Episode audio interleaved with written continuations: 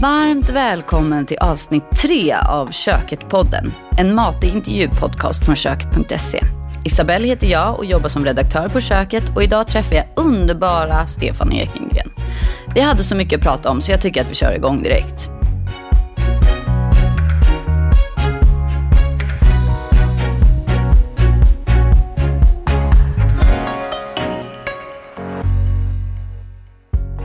Stefan Ekengren arbetar som kökschef på hyllade restaurang Hantverket Stockholm. Men denna erfarna man har givetvis mängder av spännande meriter på sitt CV. Stefan har jobbat på flertalet restauranger, skrivit två kokböcker om två ämnen han brinner lite extra för, husman och högtid. Skrivit flertalet texter för tidningen Gourmet och poddat med kollegan och vännen Tom Sjöstedt. Han bor med sin fru och sina två barn utanför Uppsala och trivs lika bra i restaurangpulsen på Hantverket som ute i skogen. Vi tänkte fråga honom om livet, jobbet, kärleken till maten och vilken som är hans absolut bästa husman rätt.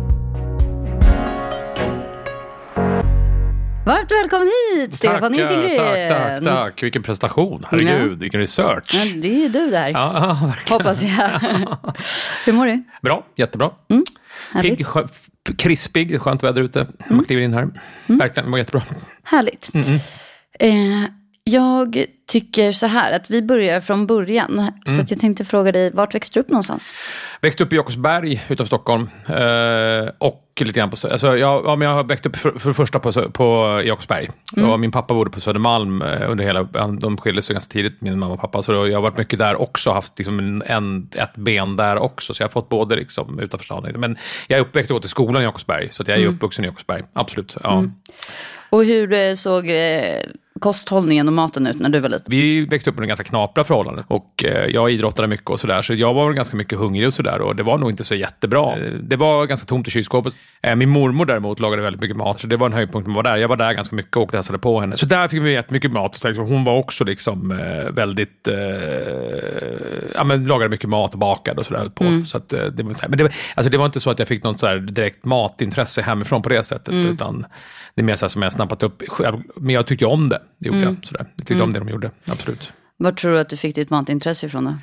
Eh, ja, men det var väl ändå så lite att jag så här började känna lite grann sen när jag gick i skolan och, så där, och, och man, man höll på hemma. Och jag var väl lite så intresserad ändå av det där lilla matlagning som var hemma och, och, och min mormor. Så där. Alltså, att jag ändå så här på något sätt eget sätt började så här testa hemma och laga lite mat. Jag, jag var väldigt intresserad av maten i skolan. Liksom. Mm. Så jag skulle säga att det nästan var så skolan som, som var så här. Det var ju så mycket, jag har skrivit om det där någon gång, så att jag att jag, eh, jag tycker det är lite konstigt så här, för jag uppfattade aldrig, jag var väldigt nöjd med skolan. Sen var jag ju alltid väldigt hungrig och uppskattade, jag åt alltid väldigt mycket av maten på skolan liksom, och tog, mm. jag kunde komma in på eftermiddagen och ta lite extra så där, för att jag var hungrig och sådär. Och, mm. eh, och, och, sådär. Och, och, det var nästan lite grann där som det började bli, för vi, jag tror inte att vi fick någon så speciellt bra mat, alltså bättre än någon annan där i den kommunala mm. skolan. Men jag tyckte att det var spännande och intressant och de gjorde så här, så då började jag testa lite hemma också. Så, där, och, och så, så det var så det började. Så testa mm. lite hemma och sen så skulle man ju välja någonting. Jag var ju, skulle bli fotbollsproffs då tänkte jag.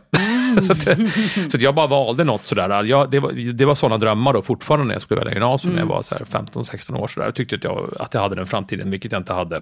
Men, Men spelade du mycket fotboll? Jag spelade mycket fotboll då, mm. ja. ja. verkligen. Spelade mm. på hyfsat hög nivå och sådär. Var väl liksom halvduktig. Men jag trodde att jag var på väg mot liksom livet. Mm. Sådär. Mm. Eh, ganska omogen faktiskt. Mm. Sådär. Eh, så då, och då valde jag restauranglinjen och tyckte att det var väldigt kul. Sådär. Men eh, det var inte så att jag när jag gick ut skolan sen så var det fortfarande, när jag gick ut gymnasiet var det fortfarande så att jag, mm. det, det, hade gått två år, jag gick ju bara två år i gymnasiet då. Mm. Så då var det fortfarande så att jag, nej det var fortfarande fotboll, jag trodde fortfarande på det då. Mm. Så att, och det är ändå ganska högt upp åldern, för det brukar ju det, vara ja, där liksom, ja, i mellantonåren ja. som man tar det ena eller andra nej, vägen. Absolut, ja ja. Nej, men jag, varit, jag var ganska envis och, så här, och var väl så här, ja men jag trodde att jag, jag trodde, trodde på det och ville verkligen ge det en chans. Mm. Men, eh, och då började jag jobba liksom direkt första jobbet efter skolan, då var det på en sån man lunchrestaurang ute i förorten. Liksom. Mm. Eh, med självser brickservering. Liksom. Mm. Men jag hade ju sån jäkla tur. Så han som hade det då var ju en enormt duktig kock då, liksom, som, mm. som jobbade jättemycket med husmanskost. Mm. Vi jobbade bara med husmanskost. Mm. Och vi hade så 500 personer vi serverade varje dag. Men vi gjorde allting från grunden. Ingenting köptes. Mm. Eh, ingenting liksom köptes alltså, färdigt, utan vi gjorde allting från grunden. Fyra olika husmanskosträtter varje dag som vi gjorde från grunden. Mm. Olika varje dag då. Mm. I ett och ett halvt års tid. Alltså, det var ju, det var ju wow. drömmen. Liksom. Ja, vilket maskineri. Vilket maskineri och vilken jäkla skola. Det var ju som ett och ett halvt år till skolan efter mm. skolan. Mm. Som jag fick liksom gratis då. Alltså, jag hade ju betalt där och kunde hålla på med min naiva fotbollsdröm. Mm, liksom. Ja, Samtidigt. Eh, och där jobbade jag då tills jag ryckte lumpen. Mm. Och sen var det över med fotbollen. Mm. Sen blev det inget mer. sen blev det inget mer. Nej. Nej, men en jättebra start då faktiskt. Ja. Verkligen, så jag kunde faktiskt inte drömma om bättre start faktiskt. Mm. Mm. Ja, vad häftigt. Mm. Men eh, husmanskosten där, den mm. ligger dig ju väldigt varmt om hjärtat. Det vet mm. vi, du har skrivit en bok om mm. husmanskost. Hur blev det så? Kom det från den upplevelsen eller erfarenheten? Ja, det kom både från liksom att jag, att jag hade, var lite intresserad i skolan sådär, och vad de gjorde, för de lag, det var en del husmanskost där. Och var det så när jag startade där hos honom också, det, då började det liksom gro lite grann där. Eller jag lärde, mm. fick ju en enorm kunskap om det i alla fall. Man var liksom lite, också lite trött på det efter ett tag. Så efter detta, ett och ett halvt år när jag lagade igenom alla de här rätterna, hur många gånger som helst, så satt det där in i benmärgen. Mm. Och det är det det gör fortfarande. Så då var man lite sådär, men, så då var man lite sådär, då ryckte in i lumpen och sådär och så började jobba efteråt på andra ställen. Och sådär. Men det har ändå alltid funnits en grundmurad intresse för det. Jag har läst väldigt mycket, jag har alltid läst väldigt mycket. Mm. Så jag har liksom läst mycket om liksom traditionell svensk, svensk mat och traditionell, traditionell svensk matlagning och sådär. Eh, alltid tyckt det var väldigt spännande. Mm. Eh, men jag har läst om annan efter det sen också, om annan, alltså annan liksom husmanskap som man ska kalla det utomlands ifrån, också den här uh, traditionella maten och sådär tycker det mer och mer ju äldre blev att det fick en så här, o, har fått en onödig tråkighetsstämpel. Mm. Verkligen. Så, nej men det, var, det var nog där det föddes och lite grann efteråt när jag, att, att jag har läst så mycket. Jag har läst väldigt mycket. Jag har läst jätte, jätte, jätte, jätte mycket. så otroligt mycket under alla åren. Liksom, så där. Så, så där, det, genom att läsa och läsa historier och läsa gamla kokböcker och läsa så, så har jag fått det intresset. Ja. Berätta lite om boken då. Husmanskapsboken. Mm. Ja, men den eh, gjordes ju då, jag var kontaktad av eh, Maria Nilsson som är förläggare på Natur och kultur och eh, att vi, vi skulle göra en kokbok tillsammans. Mm. Och jag hade massa idéer sådär bara. Mm. Jag, skulle, jag skulle vilja göra det, jag skulle vilja göra så här, värsta flashiga boken och sådär. Eh, och hon bara, jag kom upp på förlaget och hon bara så här, du ska göra en husmanskapsbok. Mm. Du är liksom, jag hade blivit lite, lite uppmärksammad för det att jag höll på med husmanskost och hon hade identifierat det verkligen så att jag skulle göra mm. det verkligen så. Och jag kände först bara, åh gud, va? Jag hade gått och drömt om en kokbok i 15 år, det skulle bli en husmanskostbok tänkte jag först. Bara, sådär. Mm. Hon bara, men det är, liksom, det är precis just det inte är. Det inte är. Hon, hon övertalade, hon liksom fick in mig på en annan linje. Och det, när jag gick därifrån, så jag kommer ihåg den idag, då var jag såhär, fan det här är ju helt rätt. Mm. Det är ju det jag ska göra. Mm. Men jag ska ju göra den annorlunda husmanskost. Jag ska göra en, en uppdaterad husmanskostbok och som mm. känns härlig och som känns uh, uppdaterade recept som fungerar. Uh, härliga texter om det här, personliga texter om det. Och, ja, men då var jag, det, det vände ju bara på tio minuter där, liksom, när jag skrev mm. boken. Mm. Så, så då gjorde vi det, att vi, att vi verkligen så, och jag fick ju verkligen fritt spelrum så, och att skriva verkligen mina personliga betraktelser och mina personliga erfarenheter och små historier, eller ja, men sådär, om rätterna, vad jag tycker om och vad som gör dem bra och härliga mm. och sådär. Eh, verkligen så, fria händer. Mm. Eh, Kul. Ja, skitkul. Mm. Verkligen roligt. Och det var verkligen så här, uh, ja men, en förlösande, så här, jag kommer ihåg när jag skrev det, det var så här, jag kommer knappt ihåg att jag skrev, det bara så här, för det sa, liksom, sa min fru då, så här, bara, för jag bara så här, du måste bara skriva, du måste bara skriva. Hon bara så här, nej skriv ingenting nu. Skriv mm. ingenting. Bara tänk nu så här i två månader. Så bara, jag, jag måste bara skriva, bara, nej skriv ingenting. Mm. Och då mm. gjorde jag så faktiskt. Jag, bara, jag, brukar, fan, jag brukar inte följa hennes råd. Jo det gör jag, men, men då följde jag väldigt, väl, verkligen hennes råd. Så, här, bara, så då gjorde jag inte det. Då skrev jag ingenting. Jag bara gick runt och tänkte i två månader så här, på alla mm. erfarenheter. Gick och tänkte, man satt i bilen, så här, tänkte, ja, men, så här. Och sen satte jag igång att skriva. Mm. Och då bara då bara rann det, det bara rann, liksom. Ja, det var så liksom. lätt. Det gick så lätt. Gud vad härligt, vilken ja. härlig känsla. Ja, så otrolig känsla. Jag vet inte om du skriver också lite grann. Och det, ja, jo, men det gör jag ju absolut. Ja, och när det går lätt så, det är så, mm. man bara... Men då är det ju rätt. Alltså är, det är ju verkligen så att det är så här, men det var ju det här jag skulle skriva om exakt. hela tiden. Ja, och sen skrev jag nästa bok då, då gick det lite trögare. Och nu den här boken, det går ju bra att skriva så, men det känner ju nu så här bara, vad lätt det gick med så boken. Mm. Ja. Det var din, ja men eh, mäktigt att känna så på alltså premiärboken, det var ja, den första boken. Ja, verkligen. Ja, men det var skitkul. Den gick, men folk, den blev jätteuppskattad och sådär. Så mm. jättekul. Mm. Men det är roligt att du säger det här med just med husmanskosten och att det kanske fått en liten så negativ klang och Jag är eh, personligen och i min generation är väl kanske inte så husmanskostiga Mm. generellt. Eh, men när jag började på köket för tre år sedan så insåg jag att husmanskost är ju jättestort. Det Mm. är ju verkligen eh, så himla superpopulärt. Jag tror att det handlar mycket, eller det är en väldigt stor trygghet och väldigt mycket så här, ja men som du hade också, mycket Mm. minnen och erfarenheter och sånt där. Eh, men lagar ni mycket husmanskost hemma? Ja, men en del. Mm. ja, det gör vi. Vi lagar en hel del husmanskost, det gör vi. Absolut. Ja. Vilken är din favorit då? Ja, men min favorit är, jag få, men, alltså, det, det, min favorit, det är olika sådär under året. Men Mm. om man ska säga en som är favoriten så är det nog raggmunk med fläsk tror jag. Mm. Ja, det är nog det som jag tycker är så här, äh, verkligen så här, den perfekta kombinationen. Det är så här, uff, när den, liksom, när det verkligen är så här, det, alltså, det går inte utan något, det, alltså, det går inte att äta, jag, jag, eller jag kan, fläsk kan man väl äta med en annan lök också, men Alltså har man inte liksom alla de här tre komponenterna, raggmunken, fläsket och lingonen, så här, det, det är sån otrolig treenighet. Liksom. Jag skriver i boken, så här, en gång så, så hade jag stått och gjort raggmunk och så här, tog för givet att det fanns lingon i frysen, eller i kylen. Och så öppnade jag kylskåpet och så bara, jag har inga lingon. Det bara fallerade. Ja, men så åt vi liksom blåbärssylt då, och skriver i boken. Det höll på att bli den sista gången jag åt raggmunkfläsk. Liksom, det gick inte, det blir liksom inte... Det behövs alla Det de behövs alla de tre grejerna. Och det, jag tycker att det är en perfekt kombo. Sen är det lite tungt och sådär, men man behöver, det är också sådär med husmanskost, sådär, många sådär, som då är yngre sådär, och, och sådär som, sådär, men det är så tungt, det är så, men man behöver inte äta så jävla mycket. Liksom. Mm. Man, behöver man behöver inte äta 14 raggmunkar och ett halvt kilo fläsk och en liter lingon. Liksom. Man kan ju äta lite bara. Liksom. Ja, det är sant faktiskt. För, det, det, för det har ju också sammankopplats lite grann med husmanskost, att man ska äta så mycket. Mm, det är stabbiga portioner. ja, Ja, stort och mycket. Stort och mycket så här. Det tycker inte jag man behöver göra. Man kan äta liksom två raggmunkar och lite fläsk och lingon så är det lagom, och lite sallad. Liksom. Så Mm. Då är det lagom lunch, liksom, eller middag. Då, liksom. så, så jag tycker det är lite, grann det också som man försöker så här, få bort med, eh, med boken. Och även när man pratar oj, i köket också, så här, Mm. pratar lite grann mer om det. Så att det inte behöver vara så stort och mycket. Har du eh, någon husmanskost på menyn på din restaurang? Alltså på lunchen har vi det nästan hela tiden, olika rätter och sådär. Och sen så kvällsrätterna är många, är mycket inspirerat från husmanskost och sådär. Mycket så här olika varianter av det och inspiration av det från husmanskosträtter. Sådär. Det, jag jobbar ju på det sättet, sådär. På, framförallt på kvällsmenyn då, så jobbar jag att jag har de här varianterna. Av, alltså, eh, inspiration från, från, dem, från den tänker, både svenska, mest svensk då, utan utländsk också. Men när man gör sådana varianter sådär, så måste det verkligen vara träffsäkert. Eh, Det, får, det kan lätt bli så töntigt liksom. Och sådär.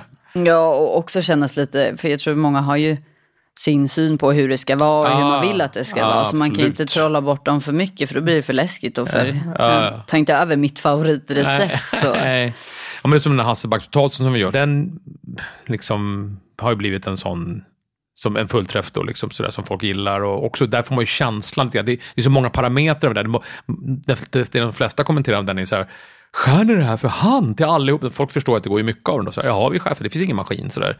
Så det är en del av upplevelsen med den är ju att den är skuren för hand. Så att det är liksom ett, verkligen ett hantverk på det sättet. Liksom. Och det är, för de som inte vet då, så är det ju en väldigt liten potatis eh, som är finskuren då som en hasselbackare och Mm. Ja. så friterad och toppad med löjrom och eh, Smetana. smetana. Exakt, och den är ju helt, det är ju lite det, ditt Det är signum, signum. Ja, ja, det lite måste man ändå det. säga. Ja, det är det. Absolut. Ja, det är det. Går man till hantverket då måste man ju ta den. Ja, många tar ju den. Ja, ja, det, ja. Och, men ja, det är ett imponerande hantverk. Ja, men det är det. Det är ett väldigt skärande. Mm. det är otroligt. Jag räknade ut en gång att jag en kille på, som räknade ut hur många snitt jag har lagt sen vi började göra den där. Jag tror att jag, har lagt, jag hade lagt runt tre miljoner snitt, trodde han. Liksom. Nej, det är helt galet. Det är helt. Jag vet inte om man ska bli ledsen eller glad. Liksom. Nej, verkligen. Det är, så, liksom, det är en för stor siffra för att kunna greppa Ja, ens. det är det. Ja. Men eh, okej, vi pratade lite om boken Husman och sen så har du skrivit en annan bok som heter Högtid, din andra bok. Berätta lite om den. Ja, men den, då när jag skulle göra en uppföljare då så hade jag idéer igen. och sådär. Och så bara, men eh, då var det samma sak där, att de hade identifierat att de ville göra en sån bok som handlar om hela årets högtider. Alla, alla, alla årets högtider och lite sådär. eh, Och lite hög, inte så här stora högtider, men, ja, men högtiderna så fick man liksom sålla lite grann sådär. Men, så det var ju tanken att göra det. Det var ju samma sak där. Man ville göra en sån, verkligen en fin sån bok som handlar lite grann om året, så, som är lite uppdaterad och lite ja, men lite härliga, väldigt härliga bilder. Det satsar ännu mer på bilderna den boken också. Mm. Eh, och det har ju också blivit en sån, vart det också en fullträff på sätt och vis. Då, för det var samma sak där, fritt med personliga betraktelser, och, eh, eller personliga minnen och personlighet i boken. Sådär, Även fast det handlar om en ganska allmän sak. Sådär. Så, för jag gillar, det är samma sak nu när man gör nästa bok, men jag gillar att de vill ha det så där på förlaget. Så. Men den handlar ju då, den är ju då, börjar ju då med påsk och sen så är det midsommar och sen så är det hösten med kräftor och ostron och hummer, Mm. surströmming. Och sen så kommer det sist, stora partiet i jul, Mm. juldelen då. Eh, nej, men intressant att skriva om det och också det här att man försökte få bort det, att, men alla säger det, många säger det, så här, en högtid, det är ju samma mat varje högtid. Mm. Jag tycker inte att det är det. Sådär. Och Jag tycker att det kan finnas en, sen så är det vissa saker som återkommer, Mm. men det finns också ganska stora skillnader sådär på varje högtid. Det Mm. bör finnas och kan finnas. Jag tycker det är kul att det gör det. Jag, är sådär, jag är inte så traditionalist egentligen, sådär, som det ska vara på det sättet. Sådär. Inte Mm. det, men det är också lite roligt att det finns vissa saker som man äter vissa tider på året. sådär. Ja, verkligen. Och speciellt eftersom att man just äter dem då. Och Man Exakt. kanske inte äter det så mycket annars. Nej, precis. Och det är ofta väldigt goda grejer eftersom Ja. att man fortsätter ta tillbaka det. Ja, men så det var ju spännande. Och, och också att vi satsar på i boken också att just att man, varje, vi satsar väldigt hårt på det i den här boken, att så varje liksom kapitel om påsken, då ska det liksom vara en annan, en annan, ett annat ljus i bilderna. Det var, alltså, hon som gjorde formgivningen, Katie Kimball heter hon, hon gjorde liksom ett, ett annat, ett annat färglayout i boken. Sådär. Och så att det fanns en skillnad på varje kapitel, så det kändes som att man liksom, när man bläddrar igenom hela boken, att man är inne i julen, det är lite mörkare så här färger, fast på ett härligt sätt. Och, sådär. och även bilder av ett annat ljus som Rolands fotar också boken, då, som verkligen så här, hitta andra olika ljus och sådär. Så det var väldigt viktigt att få den stämningen i boken. Jag tycker vi har lyckats hyfsat bra. Liksom. Så. Känns som en bra bok, känns som ett lyckat verk. Liksom, verkligen sådär. Mm. Ja, verkligen. Och att den kommer vara liksom gångbar Ja, länge. ja, det kommer den vara, absolut. Denna vecka är vi sponsrade av Epoch Kök, köksleverantören som passar dig som vill ha många valmöjligheter när du ska bygga nytt kök. Epoch är utformat för att det ska passa just dig och dina behov. Med över 40 olika luckor och färger att välja på och med stor flexibilitet på stommar och skåp kan du enkelt skapa ditt drömkök. Vi på köket har fått testa att bygga ett kök från Epoch och deras montering är verkligen så enkel. Med ett unikt klicksystem kan man snabbt montera ihop köket helt själv. Ett perfekt sätt att spara både tid och pengar. Dessutom har Epoch marknadens längsta garanti på 35 år avseende material och produktionsfel. Med Epoch får du helt enkelt väldigt mycket mer kök för pengarna. Vill du veta mer? Boka ett kostnadsfritt rådgivningsmöte med en Epoch köksspecialist i någon av Elgigantens varuhus eller på elgiganten.se. För att komma tillbaka lite, eh, du gjorde lumpen och där slutade dina fotbollsdrömmar. Och sen så pratade jag lite kort här i introt om eh, dina erfarenheter. Men hur gick resan vidare? Liksom? Hur hamnade du in på ännu mer på matspåret sen? Ja, men sen så, sen så, sen så var, var jag... eh, vad hände? Jag måste tänka till. Ja, men det som hände var att jag började jobba lite i Stockholm på olika krogar. Sådär, och sen så har jag varit runt i landet och jobbat lite grann. Sådär. Så jag jobbade lite grann uppe i Dalarna, träffade en tjej från Dalarna som jag var ihop med. Och hon flyttade upp dit efter ett tag och flyttade efter. Så då jobbade jag i, i, i Leksand, eh, på, i Tällberg, på ett ställe som heter Åkerblads där. Ganska länge, då, nästan under hela 90-talet. Sådär. Eller från och till under 90-talet så där, jobbade jag där. Eh, och eh, jobbade där, eh, fick lära mig väldigt mycket, gjorde väldigt mycket själv, lärde mycket själv. Och då jag också läste väldigt mycket sådär. Så jag är ganska mycket självlärd sig när jag jobbar för de stora. Sådär. Eh, ja, faktiskt. Och, sådär. och så var jag nere i Frankrike och jobbade en sväng, ett stjärnkrog där nere på Rivieran. Eh, var tillbaka i Stockholm, jobbade lite grann stjärnkrog i Stockholm, var uppe i Dalarna igen. Så jag var lite så här, uh, fram och tillbaka där under, under ganska många år, mellan, så här, mellan när jag var pff, vad blev det, 21, 22 tills jag var runt 30. Eh, och då var jag tillbaka i Stockholm kort och sen så började jag med Hotell Borgholm då och jobba med henne. Eh, med Karin Fransson då, där på Hotell Borgholm. Väldigt, och då, det är egentligen den första stora, så här, förutom den i Frankrike, där, så, som, de stora jobbar för det där. Liksom sådär. Jag jobbar med en som heter Lennart Borvall innan också var duktig i och för sig. Men, eller i och för sig, alltså som var duktig, väldigt duktig, så lärde mycket. Och lite grann husmanskost där också. Det blir krångligt här. Men, eh, men sen så var jag med Hotell Borgholm och jobbade där eh, några säsonger. De hade inte så högt tryck på vintern, så då jobbade man någon annanstans på vintern. Sådär. Eh, och sen väl tillbaka i Stockholm kan man säga grovt sett nu, så här, dra hela, så här, det är ganska långt. Då, skulle, då var det lite grann så här, då skulle jag vilja liksom, var inte så sugen på att jobba inne i Stockholms stad. Så, och så. Men jag tycker när jag lyssnar på dig känns det ju som att så här, din Stockholms craving har aldrig varit så supernärvarande. Nej. Utan det har kunnat vara i Tällberg eller i Frankrike. Ja, Liksom. verk, ja, ja, verkligen så. Och, och nere på Öland och sådär. Nej, jag har inte haft någon Stockholm Cranes. Jag har inte, haft, inte alls lockats av den här citykrogsgrejen liksom, överhuvudtaget. Jag tycker att det har varit... Jag har ju också varit så här, eh, liksom... jag vill säga, väldigt mycket tänkare, vill göra på mitt sätt. Eh, Eller inte på mitt... Alltså jag har mina egna tankar, jag vill göra på mitt sätt och sådär. Och, och, och liksom gå min väg sådär mycket mer. Jag kunde ha haft tid att göra det. Och det kunde jag göra väldigt mycket mer sen också när jag började jobba på, på de här, för då började jag jobba på så lite så här gårdar utanför stan, här, sen på Krägge herrgård och Toresta herrgård och Sigtuna stadshotell och sådär. Det var ganska många år när vi fick, hade små barn och sådär och jag och min, min fru då och sådär. Eh, och, och det har varit ganska bra, för då har jag, jag, jag har, det var inte så att jag stannade upp när jag hamnade där, utan det var nästan så att jag accelererade liksom i kreativitet och tankar och känslor och, och drog på som tusan där ute. Det är lätt när man, när man hamnar på de här herrgårdar och sånt, att det blir lite så här, lite skyddad verkstad och går lite långt. Men det var ju tvärtom för mig. Jag bara accelererade och fick en, hittade ännu mer min matlagning och verkligen kunde forma den i lugn och ro utan att man så här, uh, har ögonen på sig. Sådär. Mm. Öppnar man in i Stockholms stad så här, då är det direkt ögonen på. Och det är döma eller hissa liksom på en sekund. Sådär. Men eh, för... Ja, men det är ju lite, det är herrgård och det är stadshotell och så. här, Det känns som det är ganska mycket så här, samma Mm, kategori. Men kändes det som att du ofta fick då ja, men fria tyglar till att göra det som du ville? Ja, verkligen. Alltså helt fria tyglar. Vilken lyx. Sån lyx. Och, och, och verkligen, så, verkligen så fria tyglar.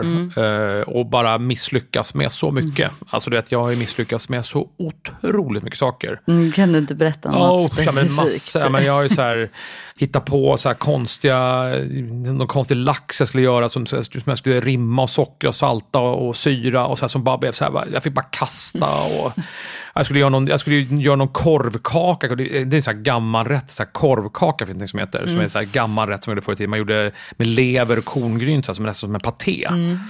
Ja, då fick jag för mig att jag skulle göra någon variant av det och servera som ett garnityr till en anka. Oh, det var så, oh, det smakade så illa. Bara så här. Ja, det var så många saker som var så här bara, men också då på vägen. Och det, det fick ju till följd då att jag liksom så här, äh, vart liksom intresserad för någonting som kallas för den totala kreativiteten. Att man så här, äh, står inför saker som är eh, ja, men det är ganska djupt, man kan ta det snabbt, men det är så här, att man håller på med saker som man inte kan.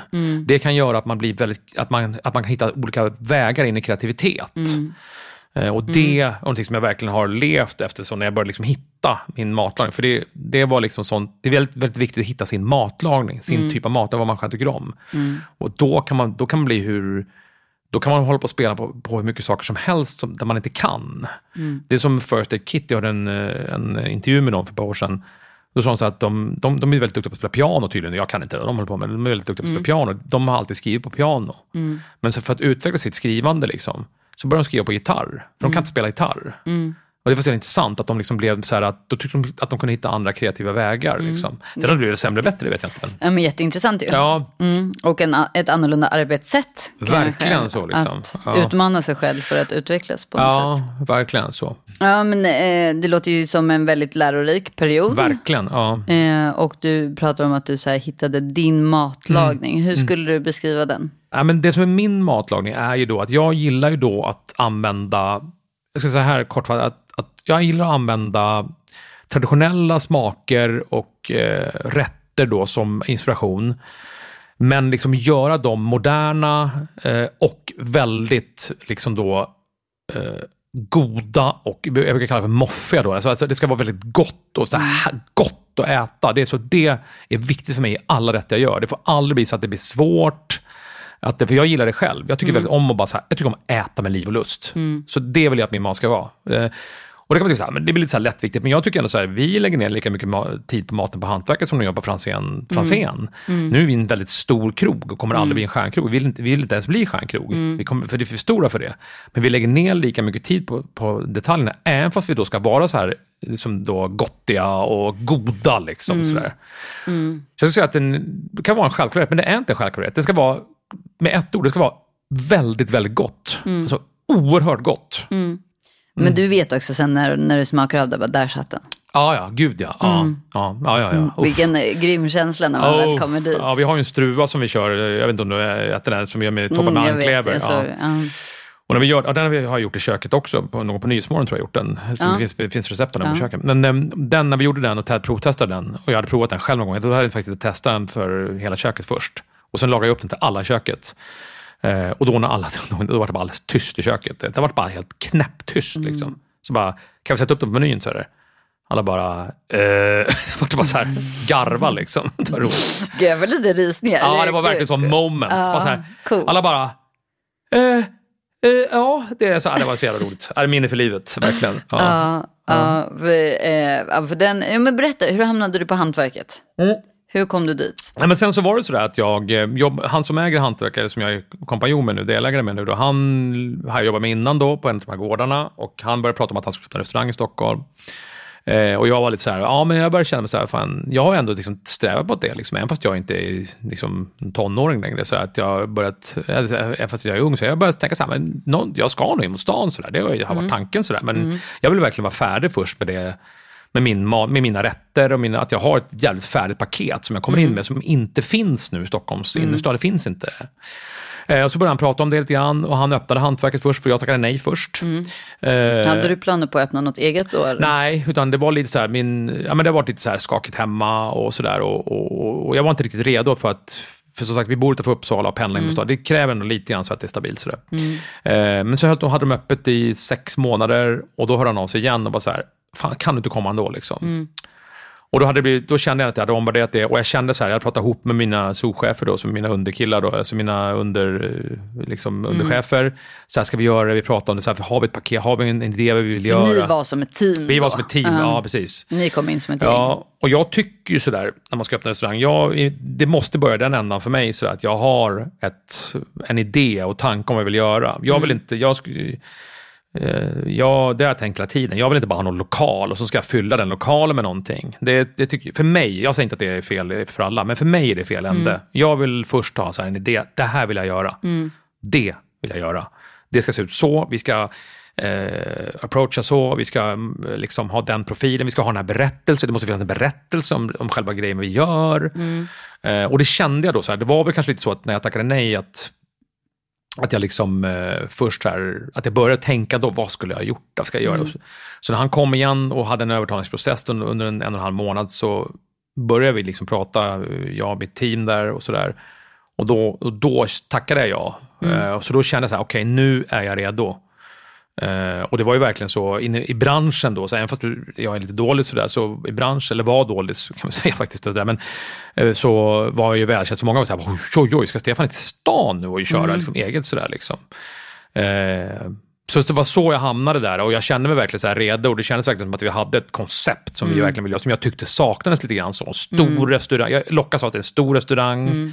Det är väldigt lätt när det blir stor restaurang att det blir, inget fel på det, att det blir liksom så här, så här brasserikänslan, så här, vilket är ashärligt. Men det vill inte jag göra. Jag vill ha en stor restaurang, jag tycker det saknas en sån stor restaurang som har sin helt egna matlinje, liksom, linje, sin helt egna mat, liksom, tänk och väldigt mycket här och nu. Vill jag att det ska vara. Det ska finnas, man, ska, man ska känna att man sitter på hantverket, det ska inte vara någon tvekan.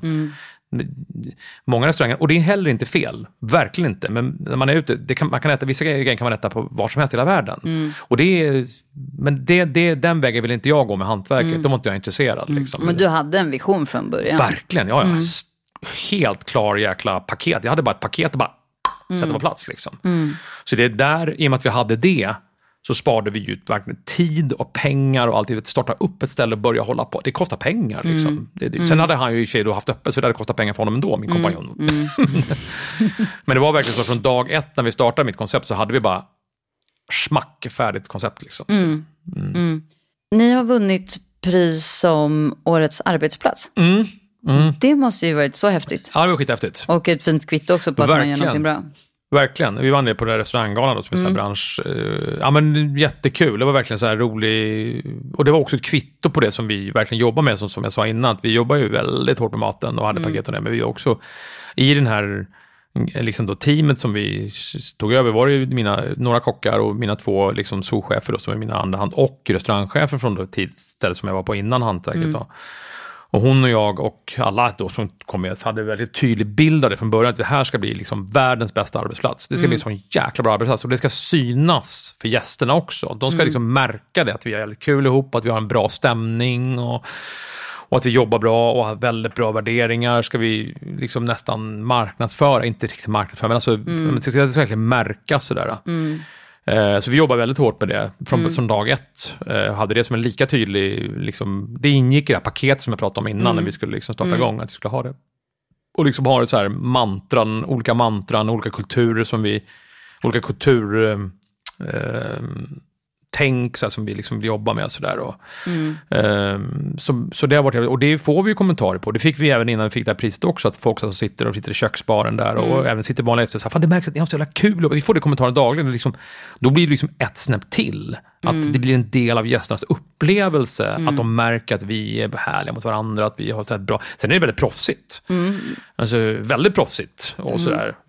Men det är ju väldigt bra jobbat att man kan få både och. Ja. Just att man kan vara superproffsig men ändå utstråla glädje och värme. Ja, ja, att det inte blir så avskalat och stelt bara för att det ska vara professionellt. Nej, nej, nej. nej, nej. nej men så är det några så här grejer som vi har. Vi som jag tycker är nycklar, så som jag får fightas för lite grann fortfarande. Och så där. Men en, en sak som vi har är att vi... Eh, det är no, två, två saker som är viktiga. Det är, för, sen är det miljön också, ska jag säga. Min kompanjon har gjort miljön, den är ju helt fantastisk. Mm. Eh, men eh, några saker som är viktiga, det är alltså att vi har ett mantra, att vi ska stötta och backa varandra i kök, eller i, i servering och kök och bar, så, alltså på hela arbetsplatsen. Mm. Vi ska mm. stötta och backa varandra mer och, serv, och serva varandra mm. mer än vad vi servar gästerna. Mm.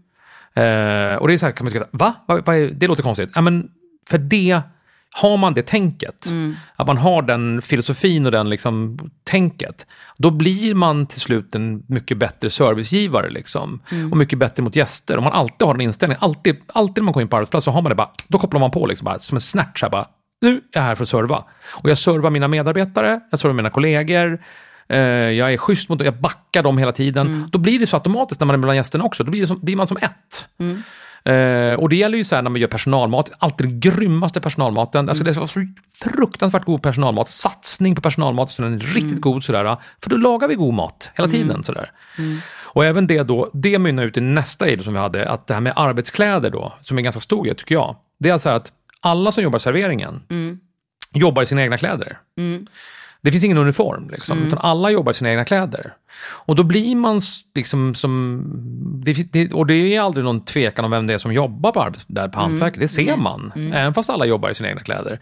Eh, och jag tycker det blir så en jäkla härlig känsla och jag älskar det. Mm. Eh, för det är så här... Äh, det blir så här, äh, även fast vi är superprofessionella, så blir det aldrig stift, och stelt. Mm. Liksom. Utan här står hon i, och det kan vara någon ibland som står i en Turtles college-tröja liksom, och är världens grymmaste sommelier. Liksom, mm. sådär.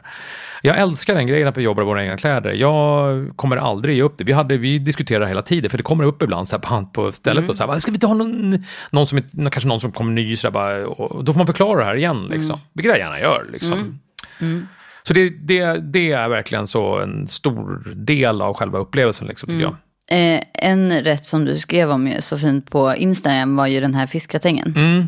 Som eh, du eh, gjorde i köksmiddag. Ja, exakt. Och som födde en idé till en eh, menyrätt, eller ja, Exakt, ja, men det gjorde jag ju. Den föddes i köket. Mm. Kördes i studion när vi stod och mm. spelade in. Ja, mm. Absolut, ja, ja. Och det är ju också den typen av så här Kreativitet. Ja, kreativitet och så är det som att man kan ta den här vanliga maten och ta, mm. nej du är ingen stjärnkrog men du mm. har en jättebra krog mm. som har jättemycket vällagad god mm. mat. Mm. Och det är så kul att du kan ta in den typen av influenser också. Mm. Ja, det var ju så roligt ja. Någonting annat. Ja, ja, ja. Och det var ju så det verkligen, kan jag berätta om den där den grejen? Eller? Ja, ja, ja, ja. Nej, men det var ju så, då, då när, jag, när vi får de här recepten, eller när vi ska skriva recepten till de här skrivbro, så får vi ju lite förslag då. Så här, alltså mm. bara så här grova förslag får vi ska laga sådär. Eh, för, det, för att det ska finnas en variation. Jag vet ju inte vad de andra lagar i veckan, så mm. då får vi så här, ja men du ska, då fick jag då laddat hem och fick här, nu, nu skulle vi vilja att du gjorde en fiskatäng. Mm. Så bara okej. Okay. Uh, men helst inte så likt de andra, så fick jag två andra som hade mm. gjort fiskatäng. Och vi sa bara, hur fan ska jag göra en fiskatäng på ett annat sätt? Liksom, så här, det är ju en, i en form så där man gör det. Så jag tänkte, vad fan skulle jag göra? Jag fick tänka mycket på det här. Och det är lika roligt att kreera till köket som det är till... Det ska jag säga. Mm. Det är mm. precis samma tänk och jag är asinspirerad liksom. Mm. Uh, och då, vad fan skulle jag göra en individuell fiskatänk? Att alla får en varsin, för det är så jäkla mysigt. Hur ska jag göra det? Mm. Eh, ja, men så kom jag på det att jag skulle göra det här. Att jag klippte ut smörpapper i fyra fyrkanter och till fyra portioner. Då. Eh, och sen så spritsade jag då den här duchessen på pappret. Då, hade lite spenat i botten och så byggde jag upp den och så, så fick alla var, lyfte över den. Så fick alla varsin. Och sen jag stod där så bara, fan det här skulle jag vilja göra på restaurangen. Fan vad kul det skulle vara att servera en fiskatäng. För alla bara älskar ju fiskatäng. Mm, och bara poppis. få den känslan. Liksom. Men så gick inte det, går inte det att göra exakt så som vi gjorde i köket. Mm. Vilket också är roligt, för då blir det en annan sak till köket. Då blir det till kökets tittare och det är deras, liksom, eller våran, liksom, Mm. som vi har där. Eh, och så bara började jag fundera på den här potatisen. Alltså, jag har på att jobba så mycket med den här på fiskatängen. Så Mm. Både den som vi hade på i köket och den som var på hans Mitt liv har varit liksom hela hösten fiskatäng. Liksom. och så bara... Underbart. Ja, så jävla härligt. Älskar det liksom. Och sen så har vi satt den jättebra nu faktiskt på hantverket till slut. Mm, ja, men det är helt fantastiskt. Och Ja, helt fantastiskt att man kan få... Inspiration från en inspelning liksom. Ja, men exakt. Och så här, det är väl också... Du hade inte kunnat göra det kanske på en stjärnkrog hur som helst. Nej, nej, nej, nej, verkligen inte. Nej, det tror jag inte. Vi pratade lite innan om att ni äter husman och sånt där. Vad äter ni mer hemma till vardags? För jag har också läst att du är en vardagsromantiker. Mm. Ja, det är jag. Jag, tycker att det, jag tycker om vardagsromantik. Men jag, alltså vardagsromantik, jag tycker om, jag brukar säga, alltså den här vardagsromantiken, det finns en romantik runt vardagen. Jag tycker om vardagen. Jag tycker vardagen är väldigt härlig. Eh, jag gillar vardagen. Jag tycker det är härligt. Jag tycker det är skönt att vara mysa och så här, tända upp och göra lite mysiga middagar en tisdagkväll i oktober. Liksom, sådär. Eh, jag gillar det. Jag, jag liksom, tycker om... Jag, jag har ingenting emot eh, vardagen. Sådär. Tycker, det är mysigt, tycker det är mysigt att göra härligt hemma och så här, ha, det, eh, ha lite fest, eh, fast även för att man ska upp dagen efter. Så här. Men, eh, alltså att det är liksom fest, alltså det är mysigt liksom, och lite romantiskt på, på vardagen. Jag tycker om det. Eh, och Det jag, behöver inte bara vara på helgen. liksom. Nej, det behöver inte vara på helgen, man behöver inte sitta i New York eller Paris. Liksom, så här, utan, eh, Och jag är, så här, jag är så här, ganska mycket hem, jag tycker om att vara hemma. Liksom. Jag tycker om det, jag tycker om att vara hemma. Eh, ja, det har jag inte lidit av under pandemin, att, vi, att, jag, eh, att man inte får resa. Så där. Jag, det, jag lider ett skit av det. Liksom, så där. Jag, jag har aldrig varit någon så här resefreak. Liksom. Även fast jag tycker det är kul, givetvis. Det, det, skulle vara så här, det är klart jag tycker det är kul att mm, åka till, ja, men till Paris eller New York. Då. Så Det tycker jag är ashärligt, jag njuter av det. Men det är inte så att jag cravar för det. Nej. Liksom. Nej. Jag går inte under om jag inte behöver göra det. Nej. Så att, Eh, ah, förlåt, det var jag som avbröt. Men vad ni äter hemma till vardags? ja, just det. Nej, men vi äter... ehm, Nej, men vi äter, liksom, vi äter en hel husmanskost, men vi äter ju också annat. Vi äter väldigt enkel mat sådär ibland. Sådär. Men testar ju också annat sådär. Vi gör gärna sushi och sådär och gör vi hemma. Min fru har fått till jäkligt bra ris faktiskt, vilket är skitkul. Eh, Jag gav henne faktiskt nycklarna till det. Alltså via, såhär, jag försökte såhär, via folk som jag känner som jobbar med, fråga dem om lite tips vad de gör och sådär. Men sen så började hon göra det och testa. Så hon har fått till verkligen bra ris och det, och det är jävligt viktigt. Så det gör vi hemma på helgerna ibland och sådär. eh, Faktiskt bara, det gör vi på helgerna, för det tar lite tid. Sådär. Eh, Det gör vi gärna hemma och, och gör pizza. Alltså, vi gör som många andra, lagar nog väldigt mycket såhär, vanlig mat. Sådär. Allt sånt som jag gör i köket. Sådär. Eh, Men sen så testar jag eh, lite sådär som jag är lite svårt hem på. Det är ju med asiatiskt sådär. Men Det testar vi lite grann, det gör min fru ibland. Lite grann, sådär. Och, och min dotter tycker också om det, hon gör vegetariskt. och Sådär. Eh, så det, och det är jag liksom inte så duktig på, liksom, sådär. att laga asiatiskt. Jag kan inte så mycket om det. Eh, inte så påläst. Liksom, och, sådär. och har inte lagat jättemycket av det. Jag tycker om det. Jag tycker det är jättegott. Eh, så det, men det är en del sånt också faktiskt. Eh, tycker jag om. Jag har sammanställt här dina tre mest populära recept på kök.se. Mm. Så du får gissa vilka du tror. Vilka jag tror är som är mest populära? Ja. Eh, jag tror att det här laxpaketet är med som jag har gjort.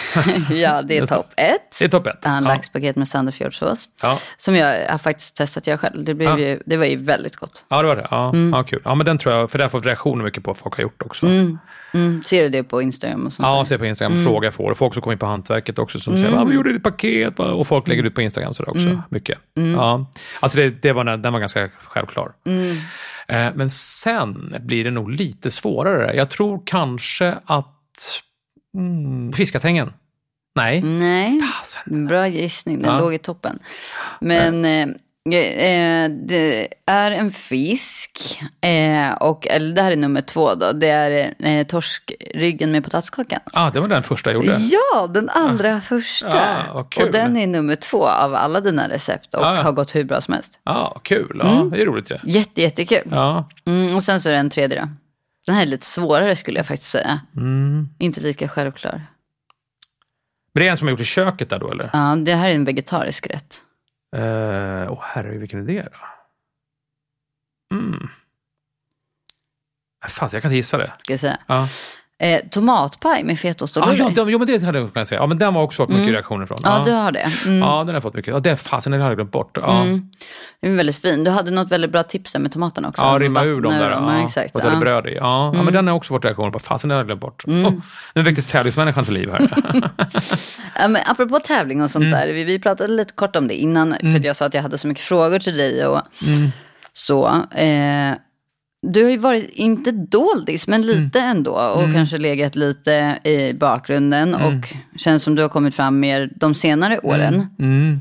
Eh, och kört lite Årets Kock-podden Mm. och podd med Tom. Eh, men du har inte blivit tillfrågad Kockarnas Kamp. Och, Jo, det har jag blivit tillfrågad. Ja. Mm, vad jag känner du om det då? Nej, jag vill inte. Jag, hittills har jag inte velat det. Nej. För att, Jag har inte känt att det har varit min grej riktigt sådär. Mm. Eh, nej, jag har inte liksom, tackat ja till det än så länge. Jag har Mm. blivit tillfrågad, ja, men eh, jag tackade nej till det i år faktiskt också. Mm. Ja, så nej, jag har tackat nej till det. Mm. Eh, men jag har inte sagt definitivt nej då, ifall, det skulle komma, ifall, ifall jag skulle få frågan flera gånger. Nej, jag har inte varit så sugen på det. Eh, för det första, det har varit olika saker. Jag Mm. är inte så tävlingskörig så, liksom, vad det gäller grejen. Jag tycker inte att det är för min du har inte tävlat i Årets Kock. Jo, jag har varit lite här. Jag, du åker- har det? ja, jag har varit final en gång och mm. semifinal och sådär. Ja. Var det länge sedan eller? ja, jag är i final 2002. Så det är Ja, väl okej. nästan Ja. 20 år sedan. Ja, så, så då var jag i final och det var, jag var ingen bra på det. Liksom, sådär. Jag, stod, alltså, jag var bra på det, jag har varit bra på det. Jag har tagit mig vidare massa gånger till semifinal och sådär. Och, så, och hjälpt många efteråt sådär, och varit med som har vunnit och sådär, och varit med och stöttat och varit kreativ och sådär. Det, den kreativa biten är jag bra på. Men jag är inte bra på det här momentet. Inte för att jag blir nervös och så, utan för att jag inte håller mig till receptet. Eller till, ska, man, ska man tävla sådär, så måste man vara väldigt sådär, strikt och bara såhär, inövad. Sådär. Och jag, du vet, när jag var i final i Årets Kock, jag började ändra där när jag stod i finalen. liksom, inför kameror och grejer. Bara, jag fick en sån feeling, bara, "Ja, men, jag kanske ska lägga på en annan. Alltså, du vet, det var ju helt, var inte bra. Liksom. Ja. Det var så, och det gjorde ju då att jag alltid var missnöjd. Så det var med det som gjorde att jag så här, vad fan, varför? Och jag, jag kunde inte släppa det. Och sen tyckte jag att det blev tråkigt då, liksom sådär. Eh, att täv, just att täv, sen var inte final flera gånger då, men eh, ju hela tävlingen, jag tycker det känns, så här, bara, känns bara tråkigt. Jag tycker inte det är kul liksom. Men det ju, när man hör dig berätta så hör man ju, det är inte du. Nej, det är inte jag överhuvudtaget. Nej. Det är verkligen inte jag. Nej. Och just det här strikta, du känns ju som att du behöver lite dina fria händer. Ja, verkligen så. Liksom. Men jag gjorde det och jag tog mig till final och gick inget bra. Eller det gick väl hyfsat, men Mm. jag vann ju inte. Så att men lider inte av det på något sätt så. Det var väl Mm. tråkigt så, för man, det blir ju så när man ställer upp. Jag är även fast inte tävlingsmänniska, man vill ju liksom att det ska gå bra. Sådär. Så. Mm, mm, såklart. Så ska vi avsluta med fem snabba frågor. Mm. Vad skulle du välja som sista måltid i livet? Eh, oj, eh, jag skulle nog välja att äta en varmkorv med bröd, tror jag. Som jag känner nu. Ja, så här spontant bara. Jag tycker det, det känner jag för, det är jag sugen på nu. Nej, men eh, jag tror det skulle vara så här, bara, ja, men jag tar en sista varmkorv med bröd. Så där, bara I en sin god- enkelhet. I sin enkelhet, bara så här, bara, jag tar det och eh, liksom ett, eh, en, en god eh, kall lager till det, liksom, och tar med mig in i evigheten. Liksom. Härligt. Ja, jag tror det. Ja, tror jag. Eh, vad landar aldrig på din tallrik? Eh, det som aldrig landar på min tallrik är bruna bönor. Mm, det gillar du inte. Det tycker jag inte om. Du känns ändå lite bruna bönor Ja. kompatibel ja, tycker jag. Nej, men det är jag inte. Nej. det, jag har faktiskt med den i, i kokboken och då är jag så ärlig så skriver jag det i boken också. Att Det här tycker jag inte om. Men jag kan däremot laga jävligt goda bruna bönor. Det kan jag verkligen göra. Jag kan göra de grymmaste bruna bönor som finns och smaka lite lätt på dem. Men jag tycker inte om att äta det. Nej. Det är någonting med den, där, den kombinationen där som blir precis tvärtom mot raggmunkarna för mig. Eh, Jag vet att många älskar bruna bönor. Verkligen. Eh, Men jag gör inte det. Jag har inte hookat på den alltså. Nej, Så det landar aldrig på mitt bord. så kan det vara. Eh, vilken är din favoritråvara? Eh, min favoritråvara är nog, det är nog potatis. Det är faktiskt det. Mm. Det är potatis. Det är mm. den som jag har jobbat mest med och som jag har hållit på och eh, gjort olika, olika uppfinningar med, egna mm. uppfinningar med, olika varianter med, byggt rätter runt potatis. Nej, jag säger potatis. Mm. Härligt. Eh, vem skulle du helst vilja äta middag med, död eller levande? Eh, jag skulle nog vilja äta middag då med Tor Wretman. Mm. Eh, jag läser mycket av honom, allt han har skrivit, läser mycket om honom. Eh, skulle verkligen vilja fråga jävligt mycket saker om mm. hans, vad han har gjort och sådär och vad han har tänkt och alla hans medarbetare han har jobbat med. Eh, jag har läst allt han har skrivit och allt mm. han har gjort om honom. Alltså jag har läst jättemycket om honom. Det känns, jag har träffat honom kort en gång faktiskt. Mm. Uh, och det var väldigt uh, hastigt och lite konstigt möte. Men det skulle jag vilja. Ja, med honom skulle jag träffa. Känner du att du har liksom tagit med dig mycket av honom också? Ja, men omedvetet har jag gjort det på något sätt. Sådär. det är inte så att jag har haft någon sån romantiserad bild att jag har så här, oh, Tore Wretman. Jag har inte han som, egentligen inte honom som någon sorts idol eller förebild så egentligen. Eller jo, det har jag väl kanske, men, men det är inte så att jag har gått att jag tittat så mycket på honom när jag varit så här, så Jag har bara liksom läst mycket och tagit mycket inspiration av honom och läst mycket det han har gjort. Så här, för jag, eh, jag, så, så, ja, men jag har nog gjort det, liksom, så här, hans tänk och, och sådär. Och lite grann hur han skriver och sådär. Att han skrev, ska jag säga. Mm. Så där, att, han, att han hade den förmågan gjorde att jag också varit inspirerad till att skriva själv. Så, mm. Så nej, men jag har, tagit en hel, alltså, jag har nog liksom inspirerat mycket av honom. Här, mm. Ja. Mm. Okej, sista frågan då. Mm. Frukt i mat, ja eller nej? Nej. det är så roligt när man ställer den frågan, för det är verkligen antingen eller. Ja, mm. det kan finnas vissa fall äpple. Eh, möjligtvis. Mm, men det är inte ananas banankillen? Nej, nej, nej, nej, gud, nej, nej. Mm. Nej, det tycker jag inte om. Blir för sött. Uh. Mimosasallad är det värsta jag vet. det landar inte heller på min tallrik. Bruna bönor och mimosasallad. Uh, okay. Ja, nej, men köper det. Uh, uh. Men du, det var allt jag hade. Ja, och kul. Tack snälla för att du kom hit. Tack själv. Tack för bra och intressanta svar. Mm, mm. Tack för bra frågor. Verkligen genomtänkt, måste säga. Tack. Som poddare själv så känner man att det här blir man lite imponerad av lite, lite prestationsångest. ja, men det måste vara kul också att sitta på andra sidan, tänker jag. Verkligen. Skitkul. Mm. Verkligen. Mm. Ja, tack, tack, tack, tack, tack. Tack för att ni har lyssnat på dagens avsnitt. Blev du sugen på något av recepten vi pratade om så hittar du dem på köket.se koketpodden. Vi hörs nästa vecka med en ny spännande gäst.